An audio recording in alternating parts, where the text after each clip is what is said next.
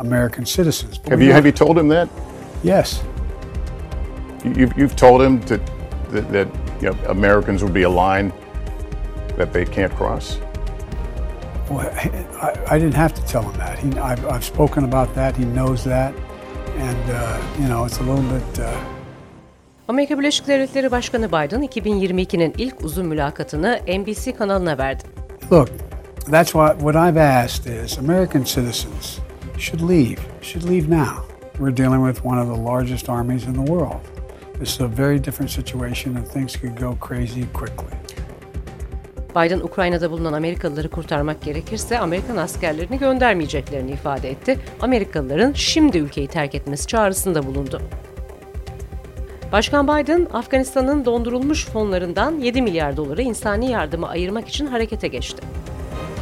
Washington raporuna hoş geldiniz. Ben Serra Karaçam. Haftanın özetine Ukrayna'ya dair gelişmelerle başlıyoruz. Ardından Afganistan Merkez Bankası fonları ve Afganistan'daki insani yardım için atılan adımları konuşacağız. Hem Ukrayna ile ilgili hem Afganistan'la ilgili iki konuğum olacak. Amerikan istihbaratına göre Rus ordusu Ukrayna'ya 9 farklı rotadan gidebilir ve tanklar potansiyel olarak başkent Kiev'e 48 saat içinde ulaşabilir. I will not comment on the details of our intelligence information, but I do want to be clear. It could begin during the Olympics, uh, despite a lot of speculation uh, that it would only happen after the Olympics. Beyaz Saray Ulusal Güvenlik Danışmanı Sullivan, Rusya'nın her an Ukrayna'yı işgal edebileceğini, trenler ve hava yolları çalışırken Amerikalıların Ukrayna'yı hemen terk etmeleri gerektiğini hatırlattı. Bu hafta Almanya Başbakanı Olaf Scholz da Beyaz Saray'ı ziyaret etti. İkili her iki ülkenin ve NATO müttefiklerinin Rusya ile diplomatik kararlar almaya devam etmeleri gerektiği ve ancak Moskova Ukrayna'ya işgale karar verirse yanıt vermeye hazır olmaları gerektiği konusunda anlaştılar. Biden, Rusya'nın bir işgal başlatması durumunda Kuzey Akım 2 gaz boru hattı projesinin ilerlemeyeceğini söyledi. Scholz, CNN röportajında bir işgal durumunda boru hattını sona erdirmeyi taahhüt etmeyi reddetti. Bu arada Amerikan ordusundaki en uzun aktif süvari alayı olan 2. Süvari Alayı Almanya'dan Romanya'ya konuşlandırılmaya başlandı. Rusya ve Belarus'ta 10 gün sürecek ortak askeri tatbikatlara Perşembe günü başladı. Biden Cuma günü ise Avrupalı liderlerle 1 saat 20 dakikalık görüşme gerçekleştirdi. Biden yönetimine göre Ukrayna krizi Putin'in ürünü. Putin, Ukrayna'nın NATO'ya katılması ve Batı yanlısı bir demokrasi haline gelmesi durumunda Rusların da aynı şeyi kendileri için isteyeceğinden ve ayaklanacağından korkuyor. Putin, demokratik Batı yanlısı bir Ukrayna'nın ülkesindeki halk ayaklanmalarına ilham verebileceğinden korksa da Putin iktidarda olmasaydı Rus hükümetinin ve elitlerinin Ukrayna'nın NATO'ya katılmasını yine de sorun olarak göreceği tahmin ediliyor. Amerika bugünlerde CIA Direktörü William Burns'un 2008'de kaleme aldığı Rusya ve Ukrayna ile ilgili tespitleri konuşuyor. Burns, Clinton yönetiminin NATO'yu Polonya, Macaristan ve Çek Cumhuriyeti'ni içerecek şekilde genişletme kararı en iyi ihtimalle erken doğmuş ve en kötü ihtimalle gereksiz yere kışkırtıcı ifadelerini kullanmakta. Yani bugünkü krizin Biden yönetiminin ifade ettiği gibi sadece Putin'in ürünü olmadığını, köklerinde Amerikan provokasyonunun yer aldığını ifade etmiş. Whatever happens next, the West is more united than it's been in years. NATO has been strengthened. The alliance is more cohesive, more purposeful, more dynamic than at any time in recent memory.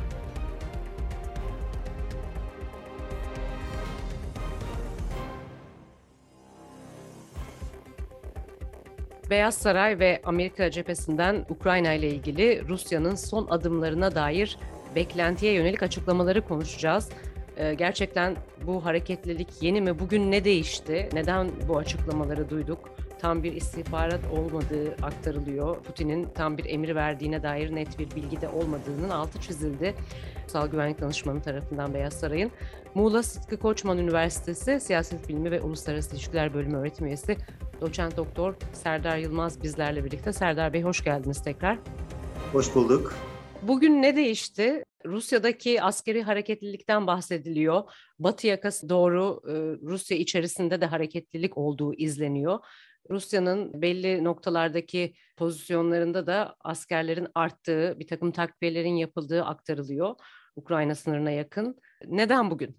Evet, e, aslında çok büyük bir değişiklik olmadı e, açıkçası. Sağdan almış olduğumuz e, bilgiler bize bunu gösteriyor. Çünkü askeri hareketlilik, e, askeri personelin yer, yer değişimi zaten Rusya için sürekli olan bir durum.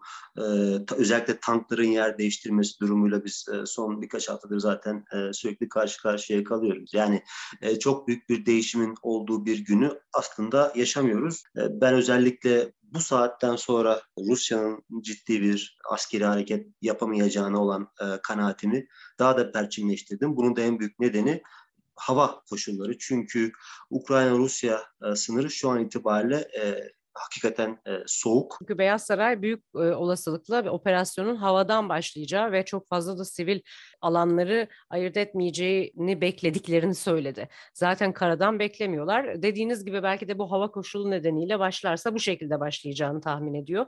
Bu neden Rusya için bir engel olsun? Biden dün ilk 2022'nin uzun röportajını yaptı NBC kanalında. Oradan daha tam yayınlanmadı hepsi ama Orada da Rusya'nın en büyük yani büyük bir orduyla karşı karşıyayız. Amerikalıları kurtarmak söz konusu olmayacak dedi. Hemen şimdi terk etsinler diye. Neden hava koşulunun problem olacağını öngörüyorsunuz?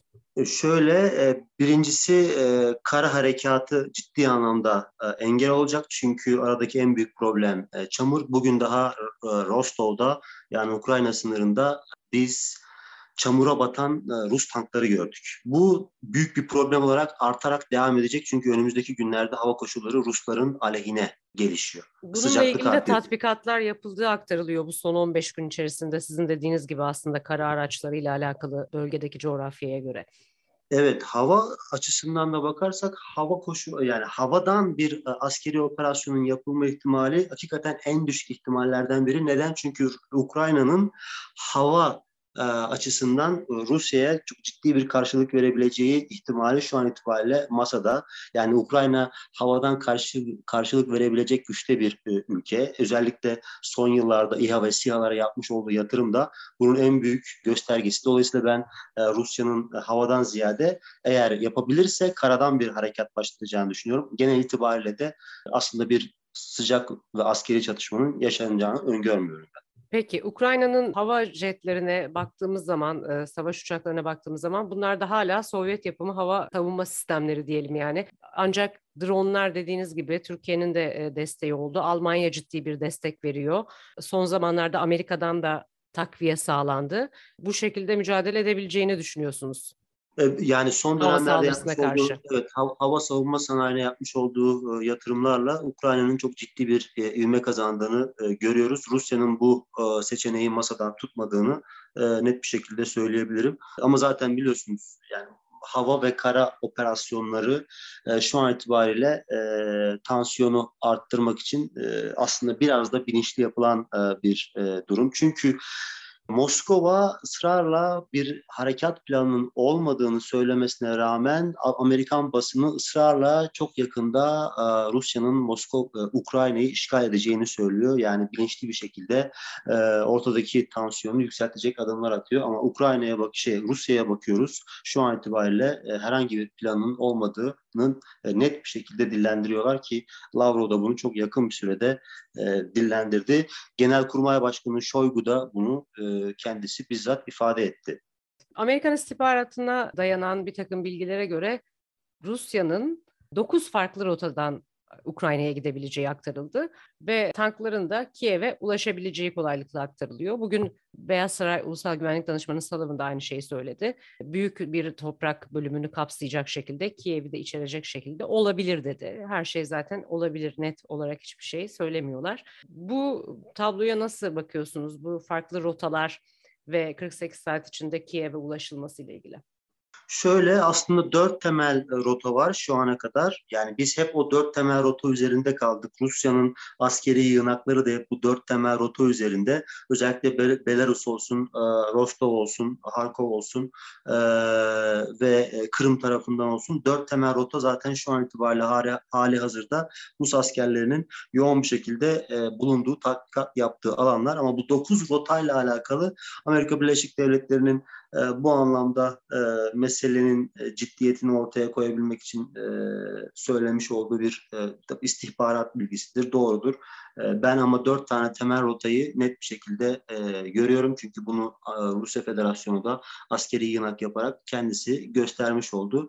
E, şimdi bu açıdan bakarsak şöyle bir şeyle karşı karşıyayız. Yani biz Ukrayna meselesinde bir kere e, Batı'nın ne olursa olsun Moskova'nın Kiev'i işgal edeceğine karşı e, ciddi bir istihbarat bilgisi yaydığıyla e, durumuyla karşı karşıyayız. Ama özellikle Amerika Birleşik Devletleri'nin bunu yaptığını görüyoruz. Ama benim elimde özellikle Ukrayna basınını kontrol ettiğimde, Rus basınını kontrol ettiğimde biraz farklı doneler var. Bir kere bakın Kiev'in işgali diye bir durum söz konusu değil. Niye biliyor musunuz? Bunu hem Ukrayna basını hem de Rus basınını e, tarıyorum. Şimdi geçen Aralık ayının son haftasında daha geç birkaç ay önce son haftasında e, Rusya'da çok büyük çaplı bir anket yapıldı. Ve bu ankette e, Rus halkı Ukrayna halkını kardeş ülke olarak ve asla Rusya'nın bu anlamda savaş yapmaması gereken bir ülke olarak görüyor. Bunu bu o, o şey ankete katılanların yüzde 52'si bu şekilde bir cevap veriyor. Dolayısıyla Putin nasıl görüyor o kısmı var. Bir de ayrılıkçıların olduğu bölgeyle zaten problemi e, Kiev'e varmak gibi bir hedefi stratejik olarak olabilir mi? Neden olabilir olursa?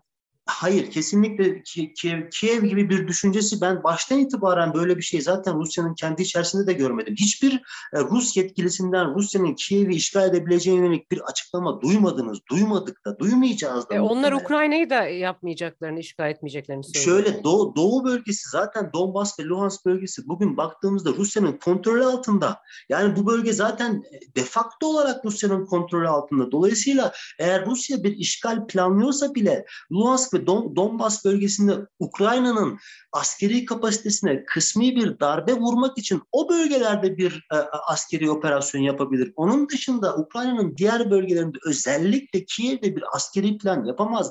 Bu, bu o kadar kolay İki bir şey değil. İki gün içinde oraya ilerleyemez diyorsunuz yani. Mümkün değil. Bakın bu o kadar kolay bir şey değil. Ukrayna hakikaten askeri olarak böyle e, çok rahatlıkla e, e, ahkam kesilebilecek bir ülke değil bir kere. Bunu, bunu da görmek lazım. Güçlü bir ülke. Tabii ki Rusya ile mukayese edilemeyecek bir ülke. Ancak iki gün içerisinde yani Rusların tanklarla Kiev'e girebileceği hakikaten ya bölgeyi bilmeyenlerin ya, ya da korku yaymak isteyenlerin bence e, söylemiş olduğu afaki şeyler. Yani hakikaten Peki, biraz bu geçmişe gidelim isterseniz. Rusya'nın ana endişesi Ukrayna'nın NATO'ya katılması. Bunun Doğru. da Rusya için negatif bir örnek oluşturacağını, işte Ukrayna'daki herhangi bir demokratik birliğin içerisinde yer almanın Putin için iyi olmayacağı kaygısından dolayı bunu istemiyor diyor. Amerika da böyle ifade ediyor bunu. Bu esasında 2008'den beri tartışılan bir şey. Clinton yönetimi döneminde de e, NATO'nun genişlemesi, Polonya, Macaristan, Çek Cumhuriyeti bunlarla alakalı karar esasında bu gerilimi tetikledi. Katılır mısınız buna? E, şöyle söyleyeyim, burada kesinlikle Putin'in bilinçli e, bir politikası var. Bölgedeki gerginliği ve istikrarsızlığı arttıracak, e, bölge ülkelerine net mesaj verecek, bölge ülkeleriyle işbirliği içerisinde olan küresel aktörlere net mesaj verecek bir politikası var. Ki bu politikada Putin ve Rusya kesinlikle haksız. Neden biliyor musunuz? Çünkü bir ülke kırmızı çizgilerini başka bir egemen ülkenin sınırları üzerinden çizemez. Bir ülke başka bir ülkenin uluslararası bir örgüte katılıp katılmayacağına karar veremez. Dolayısıyla Putin kesinlikle burada haksız. Bölgeyi bilerek gerginleştirip istikrarsızlığa ve dolayısıyla Rusya'nın bölgedeki hegemonyasını pekiştirme yönelik, pekiştirme yönelik bir adım atıyor, bir politika izliyor. Bunu 2008 yılında Gürcistan'da yaptı. Kısmen başarılı oldu ama bakın Gürcistan devleti ve Gürcistan halkı hala Avrupa Birliği'ne üye olmak istiyor, hala NATO'ya üye olmak istiyor. Dolayısıyla aslında e, Putin'in e, başardığı çok uzun e, dönemli sürdürülebilir bir başarı yok. Aynı istikrarsızlığı ve gerginliği arttırıcı politikayı Ukrayna'da da izliyor Putin. Burada da başarısız olacak. Çünkü siz başka bir egemen devletin bir başka bir örgüte üye olup olmayacağına karar veremezsiniz. Ona ancak Ukrayna halkı karar verebilir. Ukrayna devleti ve hükümeti karar verebilir. Peki Dolayısıyla... NATO'da genişlemek istemeseydi Polonya, Macaristan o bölgelere Doğu Avrupa'ya doğru e, Ukrayna'yı da geçiyorum. Bu kriz tetiklenir miydi? Rusya'ya daha yakınlaşmış olmazlardı ama e, krizde tetiklenmezdi. Yani burada Ukrayna'nın aslında biraz coğrafi kaderidir. Bu Ukrayna tarihsel perspektifte hep tampon ülkesi olmuştur. Hakikaten bir kaderdir Ukrayna için. E, eğer Ukrayna bugün Avrupa Birliği ya da NATO üyeliğiyle ilgili e, ifadelerini belki de e, bu kadar yüksek sesten e, dillendirmemiş olup tampon bölge görevinde devam etseydi bugünkü gerginlikler e, açıkçası yaşanmayacaktı. Ama şöyle de bir şey var. Yani bu bir tabii ki farazi. Dolayısıyla Ukrayna gibi bir devlet tepenizde Rusya varken ne istiyor? Onlar da kendince güvenlik garantisi istiyor ve güvenlik garantisi olarak bunu size sağlayabilecek tek ve yegane örgüt NATO'dur. E, dolayısıyla yani Rusya biraz da burada e, problemin nedenini kendinde aramalı. Yani Putin'in e, yıllar itibariyle yaratmış olduğu bu korku, endişe ve istikrarsızlık yaratan politikanın sonucunda hem NATO hem Gürcistan hem de diğer özellikle Doğu Avrupa ülkeleri NATO'ya üye olma ihtiyacı duyuyorlar. Yani bizzatihi Putin bölgedeki istikrarsızlığı ve e, militarist polit, e, dış politikayı e, ilerleterek bölge ülkelerinin NATO'ya üye olmasına aslında olanak sağlıyor. Yani Putin kışkırttıkça bölge ülkeleri NATO'ya üye olmak istiyorlar. Çünkü başka bir güvenlik şemsiyesi yok önlerinde NATO'dan başka. Evet. Yani kışkırtan NATO veya Amerika tarafı değil size göre o zaman. E, bu ülkelerin de bu seçimi yapma hakları var elbette ki. Ama e, farklı olurdu da diyorsunuz e, NATO'nun evet, genişlemesi. Yani tabii e, NATO'nun NATO'nun genişleme ihtiyacı, NATO'nun genişleme ihtiyacı Rusya için her zaman bir tehdittir. Özellikle Baltık ülkelerinin NATO'ya üye olmasından e, sonra yani bu e, bu e, güvenlik e, tehdidi sürekli olarak hissedilmeye başlandı Rusya açısından. Ama diğer taraftan da yani e, özellikle Doğu Avrupa ülkelerinin Rusya'dan duymuş olduğu tehdidi de e, yabana atmayalım. Bakın yine geçen sene Ağustos ayında yanılmıyorsam Polonya'da bir anket yapılıyor ve geniş kapsamlı bir anket. Tek bir soru soruluyor Polonya vatandaşlarına. Deniyor ki siz Rusya Federasyonu'nun Polonya'yı işgal edeceğini düşünüyor musunuz? Yani ankete katılanların yüzde yaklaşık 38'i evet düşünüyoruz diyor. Hakikaten düşündürücü. Bakın 21. yüzyılda Polonya halkının yüzde 38'i Rusya'nın Polonya'yı işgal edebileceğini düşünüyor. Yani bu şartlarda bölge ülkelerinin NATO'yu bir güvenlik şemsiyesi olarak görmek istemesini anlamak da normal. Bunu kışkırtan sadece NATO değil, madalyonun diğer tarafında Putin ve Rusya var. Bunu da görmek lazım. Putin olmasaydı da Rus elitler veya işte siyasi egemen kesim yine bundan aynı şekilde rahatsız olur muydu? Onla, onu bilemiyoruz ama Putin'in kesinlikle bir yani minik bir SSCB hayali olduğunu kesinlikle söyleyebiliriz. Dolayısıyla ben Putin olmasaydı benzer militarist istikrarsızlığı ve gerginliği arttıracak bir dış politikanın Rusya tarafından benimseneceğini düşünmüyorum. Bakın şöyle bir şey var. Yani Rus halkının bazısı da şöyle düşünüyor. Ukrayna NATO'ya üye olursa bu Rusya'nın Rusya için ne gibi büyük bir güvenlik tehdidi yaratabilir ki? NATO Rusya ile savaşı göze mi alacak? NATO Rusya ile e, bu anlamda bir, e, bir sıcak çatışmaya mı girecek? Peki bir siz de, ne bekliyorsunuz önümüzdeki hafta? Şimdi yakın zamanda bu söylendi. Bugün duyduk ben, bunları Sullivan'dan. Ben Olimpiyatlar başım, bitmeden bir hareket evet. olacak dedi. Girecek evet. mi sınırdan içeriye? Ben en başından beri e, Rus Rusya'nın Ukrayna'ya, Kiev'e özellikle yönelik bir sıcak çatışma içerisinde olmayacağını söylüyorum. E, ve Kiev'i bırakalım e, şimdi. Sınırdan içeri girmeyi konuşalım. Çünkü e, Batı'nın üzerinde durduğu ve ortak reaksiyon vereceklerini söylediği husus sınır noktası. Ya şöyle bugün Donbas, detay olarak geldi. Evet, Don, Donbas ve Luhansk bölgelerinde şöyle bir gelişme olacağını öngörüyorum. Ben e, Minsk protokolünün yani 2014'te imzalanan Minsk protokolünün Donbas ve Luhansk bölgeleri özelinde Ukrayna tarafından yakın zamanda kabul edileceğini ve Luhansk ve Donbas bölgelerine ayrıcalık özellik tanınacağını ve meselenin bu şekil bu şekliyle e, kesinlikle çözüleceğini düşünüyorum. Onun dışında yani Rusya'nın askeri bir e, operasyon e, yapacağına kesinlikle kanaat getirmiyorum. Ama Luhansk ve Donbas bölgelerine ayrıcalıklı özellik statüsü verilmesi Rusya adım atmadan mı bu olacak? Sınırdan içeriye girmeden Zaten mi? Rusya'nın attığı adımlardan biri bu. Minsk protokolünün Ukrayna tarafından hayır, hayır. uygulanması. Rusya, Rusya şu anda bulunduğu yerin ilerisine geçmeden Ukrayna'nın evet. bu tavizi vereceğini mi düşünüyorsunuz? Evet çünkü Rusya'nın istemiş olduğu güvenlik tedbirlerinden biri de buydu. Dolayısıyla askeri bir operasyon e, olmaması için bu e, seçeneğin değerlendirileceğini öngörüyorum. Anladım. Peki. Çok teşekkür ediyoruz. Var mı eklemek istediğiniz bir şey? Ee, ben teşekkür ediyorum. Çok sağ olun. Evet, Muğla Sıtkı Koçman Üniversitesi Siyaset Bilimi ve Uluslararası İlişkiler Bölümü öğretim üyesi doçent doktor Serdar Yılmaz bizlerle birlikteydi. Açıklamaları konuştuk, NATO'yu konuştuk. Sonun nasıl bir cevap verebileceği de aslında bambaşka bir tartışma konusu. Bütün bu giden Amerikan askerleri ortak nasıl bir cevap verebilirler? Ukrayna'nın pozisyonu NATO içerisinde yer almıyor oluşu. İlerleyen günlerde tekrar sizi görmek isteriz. Teşekkürler. Amerika Birleşik Devletleri Başkanı Biden, Afganistan'daki insani yardım ve diğer ihtiyaçları finanse etmek ve 11 Eylül 2001 saldırılarının mağdurlarına tazminat ödemek için Afgan Merkez Bankası'nın varlıklarını kullanmayı planlıyor. Biden yönetimi Ağustos'ta New York Federal Rezerv'de tutulan yaklaşık 7 milyar dolarlık Afgan hükümet varlığını dondurdu ve Taliban'ın paraya erişmesini engelledi. Toplam 3 milyar doları aşan ek fonlar da diğer ülkelerde donduruldu. Birleşmiş Milletler 40 milyon Afgan nüfusunun büyük çoğunluğunun bu kış şiddetli açlık çekeceğini ve birçoğunun özellikle çocukların ölebileceğini tahmin ettiğinden yönetim fonları serbest bırakması için insani yardım kuruluşlarının baskısı altına alınmıştı.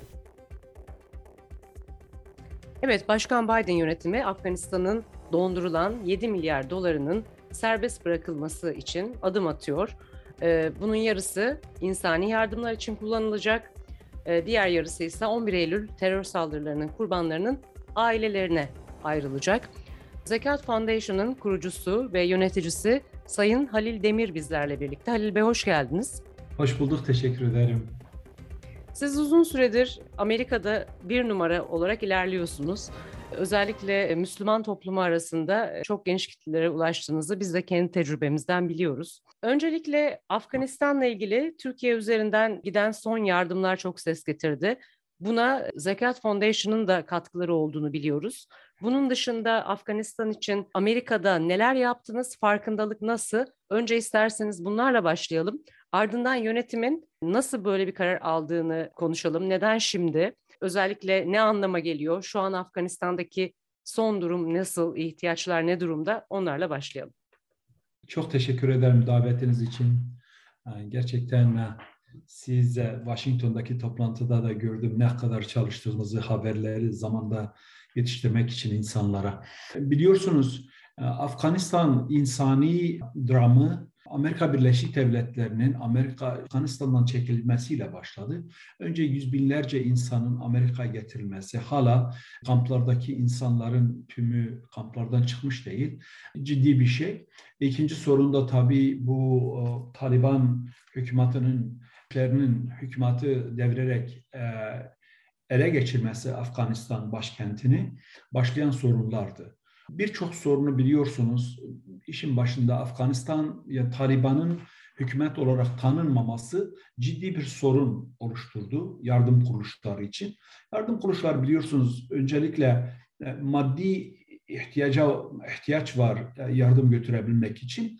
Bu sorun yani finans kaynaklarının tamamıyla kapılarını kapatması, e, bankaların kapatılması, bankaların hiçbir zaman Afganistan'a finans imkanı vermemesi ciddi sorunlar oluşturdu. oluşturdu.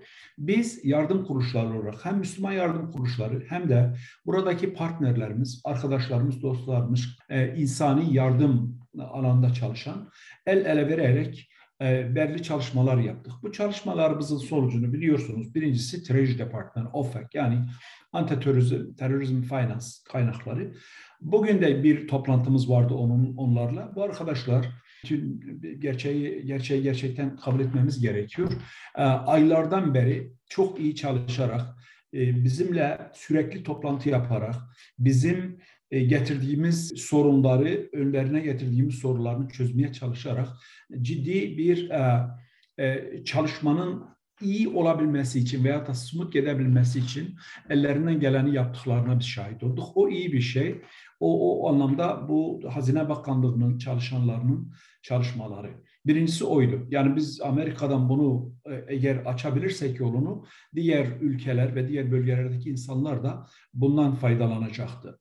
Yasa zaten halk yardımları veriyor. Amerikan halkı o anlamda hem Müslüman hem Müslüman olmayanlar Afganistan için yardım veriyorlar. Sorun bu paranın, bu yardımın Afganistan'a nasıl ulaştırılacağıydı. Çünkü bütün bankalar biliyorsunuz Western Union'da dahil olmak üzere oradaki finans servislerini durdurdular. Bu böyle olunca siz işçileri ödeyemiyorsunuz. Ondan sonra çalışanları benzin alamıyorsunuz, arabaları kiralayamıyorsunuz veya da eşyaları da alamıyorsunuz. Yani bir ülkenin ekonomisinin ayakta kalabilmesi için sürekli bütün ülke fukara veya dilenci haline getirilerek sorunu çözülmeyeceği gibi bir gerçektir. Onun için ekonominin canlanması gerekiyor. Ekonominin canlanması için de paraya ihtiyaç var. Bu bir sorundu. Biz bunu aşmanın yollarına yollarını aradık. Bunu nasıl yapabiliriz diye. O anlamda bu 1 2 3 4 denilen bu müsaadeleri Hazine Bakanlığı müsaadeleri vererek, bütün sorularımıza cevap vererek, bütün sıkıntılarımızı bertaraf etmeye çalışarak bize hem güven hem de e, teşvik ederek Amerika'daki çalışmalarımızı korkusuz olarak yapmamızı e, sağladılar. Ama tabii ki e, Taliban hükümetinin tanımaması ve bankaların bunları hizmetleri vermemesi ayrı bir sorundu. İşte bizim çalışmalarımız, bizim yapmış olduğumuz e, görüşmeler sonucu beklediğimiz bir sonuçtu. Bizim beklediğimiz daha doğrusu Taliban hükümetinin condition yani şartlı olarak tanınması, bankalara bu alanda güven verilmesi ve bu bankaların, büyük bankaların açılım sağlamasıydı. Ama diyebiliriz ki bizim çalışmalarımızın sonucu, ondan sonra Dışişleri Bakanlığı'ndaki insanların daha hikmetli bir anlamda yaklaşılmaları, hiç olmazsa bu 3,5 milyar doların Afganistan'a gönderilmesi sonucunu getirmesi çok sevindirici diye düşünüyorum. Bugünkü kararla sizin yardımların finansının iletilmesi arasında bir bağlantı var mı? Bağlantı şurada Serra Hanım. Şimdi Zekat Foundation ve Amerika'da Amerika Müslüman vakıflar olarak biz hem Amerika'nın e, Amerika halkının güvenini sağlamış vakıflar, kurumlarız. Hem Hazine Bakanlığı'nın çalışmalarımızı bilmesi bizi bu toplantılarda sürekli aktif olarak görüşlerimizi belirlememizden bilerek hem Afganistan'daki bizim daha önceleri çalışmış olduklarımız, deneyimlerimizden bilinerek ümit ediyoruz. Bu büyük paranın ve bu meblağın belli bir kısmının belki de inşallah bizim gibi vakıfların aracılığıyla gitmesi hem Amerikan halkının hem de Afgan hal, Afgan halkının e, e, bunu belki de daha daha bu gönül şeyiyle alması veya da bir yani bir kardeşten kardeşe geliyormuş gibi görmesi belki de daha iyi bir yoldur diye düşünüyoruz. Ümit ediyoruz bu bizim siyasi önderlerimiz bunu görecekler. Belki de bizim vakıflarımız da bu yardımların ulaştırılmasına yani devletin vereceği yardımların ulaştırılmasında ümit ederim bir rol oyna. Peki oyna, sizin oyna. finansınız, sizin e, topladığınız yardımların geliri nasıl ulaşacak? Şu an bununla ilgili bir aşama kat edildi mi?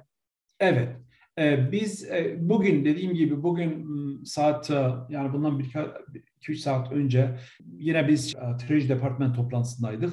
Sorunları gündeme getirdik. Anti terörizm kanunlarını 2015-2018 yıllarında olmuş olan bu kanunların, kuralların bir daha irdelenmesi, görüşülmesi. Ama şu Treasury Department söyledi. Biz 501c olan Amerikalı vakıfların, Müslümanların da, Müslüman vakıfların da Amerikalı bu çalışmalar yaptığında biz bu vakıfların kesinlikle insani yardım alanında başarılı olduklarını e, dediler bize. Ümit ediyoruz Peki yani. para bu... transferi o bir süreç alacak o zaman. Peki bu 3,5 milyarın insani yardıma gidecek olan kısmında oradaki ortaklar zaten yardım kurumları vardı şimdiye kadar. Hatta evet.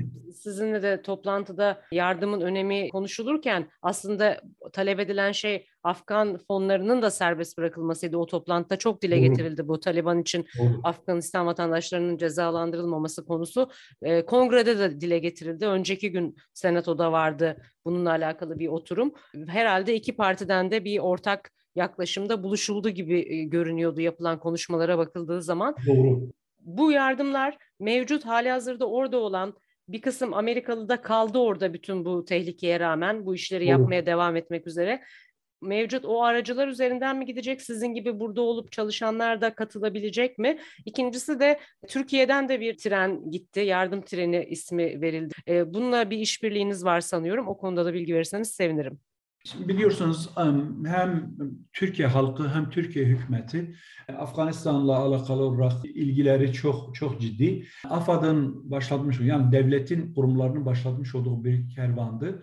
E, bunu tırları götürdüler, ulaştırdılar Kızılay ve diğer partner yardım kuruluşlar. Biz Amerikalı Müslümanlar olarak bir e, tren görüşmesi yaptık. Bizim trenimiz de inşallah e, bir sonraki gidecek olan trende bizim malzemelerimiz var. Ancak dan sonraki treni tamamıyla Amerikalı Müslümanların finanse edeceği bir tren e, şey kervanı olacak. Onu Türkiye'den gönderiyoruz. Aynı şekilde e, Afganistan içinde çalışmalarımız var dediğim gibi işin başında ekonominin canlanması gerekiyor. Ekonominin canlanması için de e, paranın injekte edilmesi gerekiyor ekonomiye. Ümit ederim bu bugünkü konuşmada Treji Departmanı'ndaki arkadaşlarımıza bu bankalara bir tavsiye mektubu gönderilerek e, bankaların korkmaması veya da ürkmemesi çalışmaları e, en kısa zamanda başlatmaları gerektiğini ümit ediyoruz bu mektup onlara gidecek. Daha önce böyle bir şey yaptılar biliyorsunuz. Ama bu bu mektubun tekrar gönderilerek bunu ciddiye alınması ve bu para yardımlarının banka hizmetlerinin açılması için e, önerdik. Ümit ederim o da e, yakın zamanda e, faaliyete geçer, etkisi olur. Şimdi giden yardımlar aynı yardımlar. Amerikan hükümeti bu 3,5 milyarı da çeşitli yerel ortaklarla yardım kuruluşları üzerinden dağıtacak. E, Taliban'ın eline geçmeyeceği konusunda çünkü güvence istedi. Burada da siyasi partiler arasında da uzlaşılan evet. husus buydu zaten. E, nasıl bir süreç ilerleyecek bunu elbette göreceğiz. Var mı eklemek istediğiniz bir şey? Size teşekkür ederim. Zaten her şey olaylar gözlerimizin önünde oluyor. Dua etmekten, Afganistan'ın daha güzel günler görmesini Allah'tan niyaz etmekten başka bir şey demiyoruz. Size teşekkür ederim. İyi günler dilerim. Çok sağ olun kıymetli vaktiniz için. Zekat Foundation kurucusu ve yönetici direktörü bizlerle birlikteydi. Afganistan'la ilgili Amerika'da da çok önemli çalışmalar yürütmekte. Aynı zamanda Amerika içinde de yardım kurumları arasında önde geliyor. Çok sağ olun, teşekkür ediyoruz. Ben teşekkür ederim, iyi günler dilerim.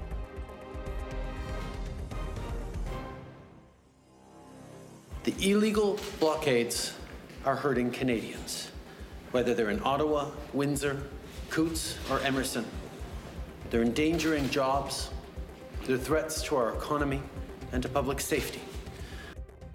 Kanada-Amerika sınırında kamyoncular ülkenin Covid-19 kısıtlamalarını protesto ediyor. Kanadalılar Ottawa'da da protestoları sürdürüyor. Biden yönetimi Kanada hükümetini kamyon ablukasını sona erdirmek için federal yetkileri kullanmaya çağırdı. Protesto sınırın her iki tarafındaki otomobil fabrikalarının üretimini geriletti ve bazılarını kapanmaya zorladı. Amerika fiyatların Ocak ayında %7,5 artmasıyla 1982'den bu yana en hızlı enflasyonu yaşadı. Biden son mülakatında enflasyonu tedarik zincirindeki aksamalara ve bilgisayar çiplerinin bulunmayışına bağladı. Beyaz Saray bütçeye itiraz eden Demokratik Senatör Joe Manchin'den destek alabilmek için Biden'ın ekonomik planını bütçe açığını azaltacak şekilde elden geçirmeyi düşünüyor. Ulusal Arşivler Adalet Bakanlığı'ndan eski Başkan Trump'ın Beyaz Saray kayıtlarını nasıl ele aldığını soruşturmasını istedi. Trump'ın başkanlık kayıtları yasasını ihlal edip etmediği incelenmek isteniyor. New York ve Delaware'de maske zorunluluğu kaldırıldı. Zorunluluğun okullarda devam etmesi ise New York'ta protesto edildi. Kaliforniya'da ise gelecek salı günü maske zorunluluğu düzenlemesi sona eriyor. New York'ta Adams yönetimi Cuma günü 3000 belediye işçisini koronavirüse karşı aşılanmayı reddettiği için işten çıkarmaya hazırlanıyor. Bu aşı düzenlemesinin iş gücünün azaltılmasındaki en sert örneği olacak. Düzenleme Adams'ın selefi Bill de Blasio tarafından uygulamaya konulmuştu. 2020'de opioidler, Amerika'nın başkenti Washington DC'de silahların neden olduğu can kaybının iki kat daha fazlası can kaybına yol açtı. DC Opioid Response'un 7. ve 8. bölgelerindeki program yöneticisi aşırı doz ölümleri için bu sessiz bir katil dedi. Bu yıl uyuşturucuların silahlardan daha fazla insanı öldürdüğü 6. yıl. Bu trend 2014'te başladı ve Washington raporunda gelecek hafta. Temsilciler Meclisi sözcüsü Pelosi İsrail'i ziyaret ediyor. Senatoda çarşamba günü Balkanlarla ilgili bir oturum yapılacak. Oturum Bosnalı Sırp lider Milorad Dodik'in ortak Bosna kurumlarından çekilme tehditlerinin hemen ardından geliyor. 18 Şubat Cuma günü ise devlet başkanları, Dışişleri ve Savunma Bakanlarının katıldığı yıllık uluslararası Münih Güvenlik Konferansı gerçekleşiyor. Başkan yardımcısı Kamala Harris, Almanya Şansölyesi Olaf Scholz'la birlikte Münih'te olacak.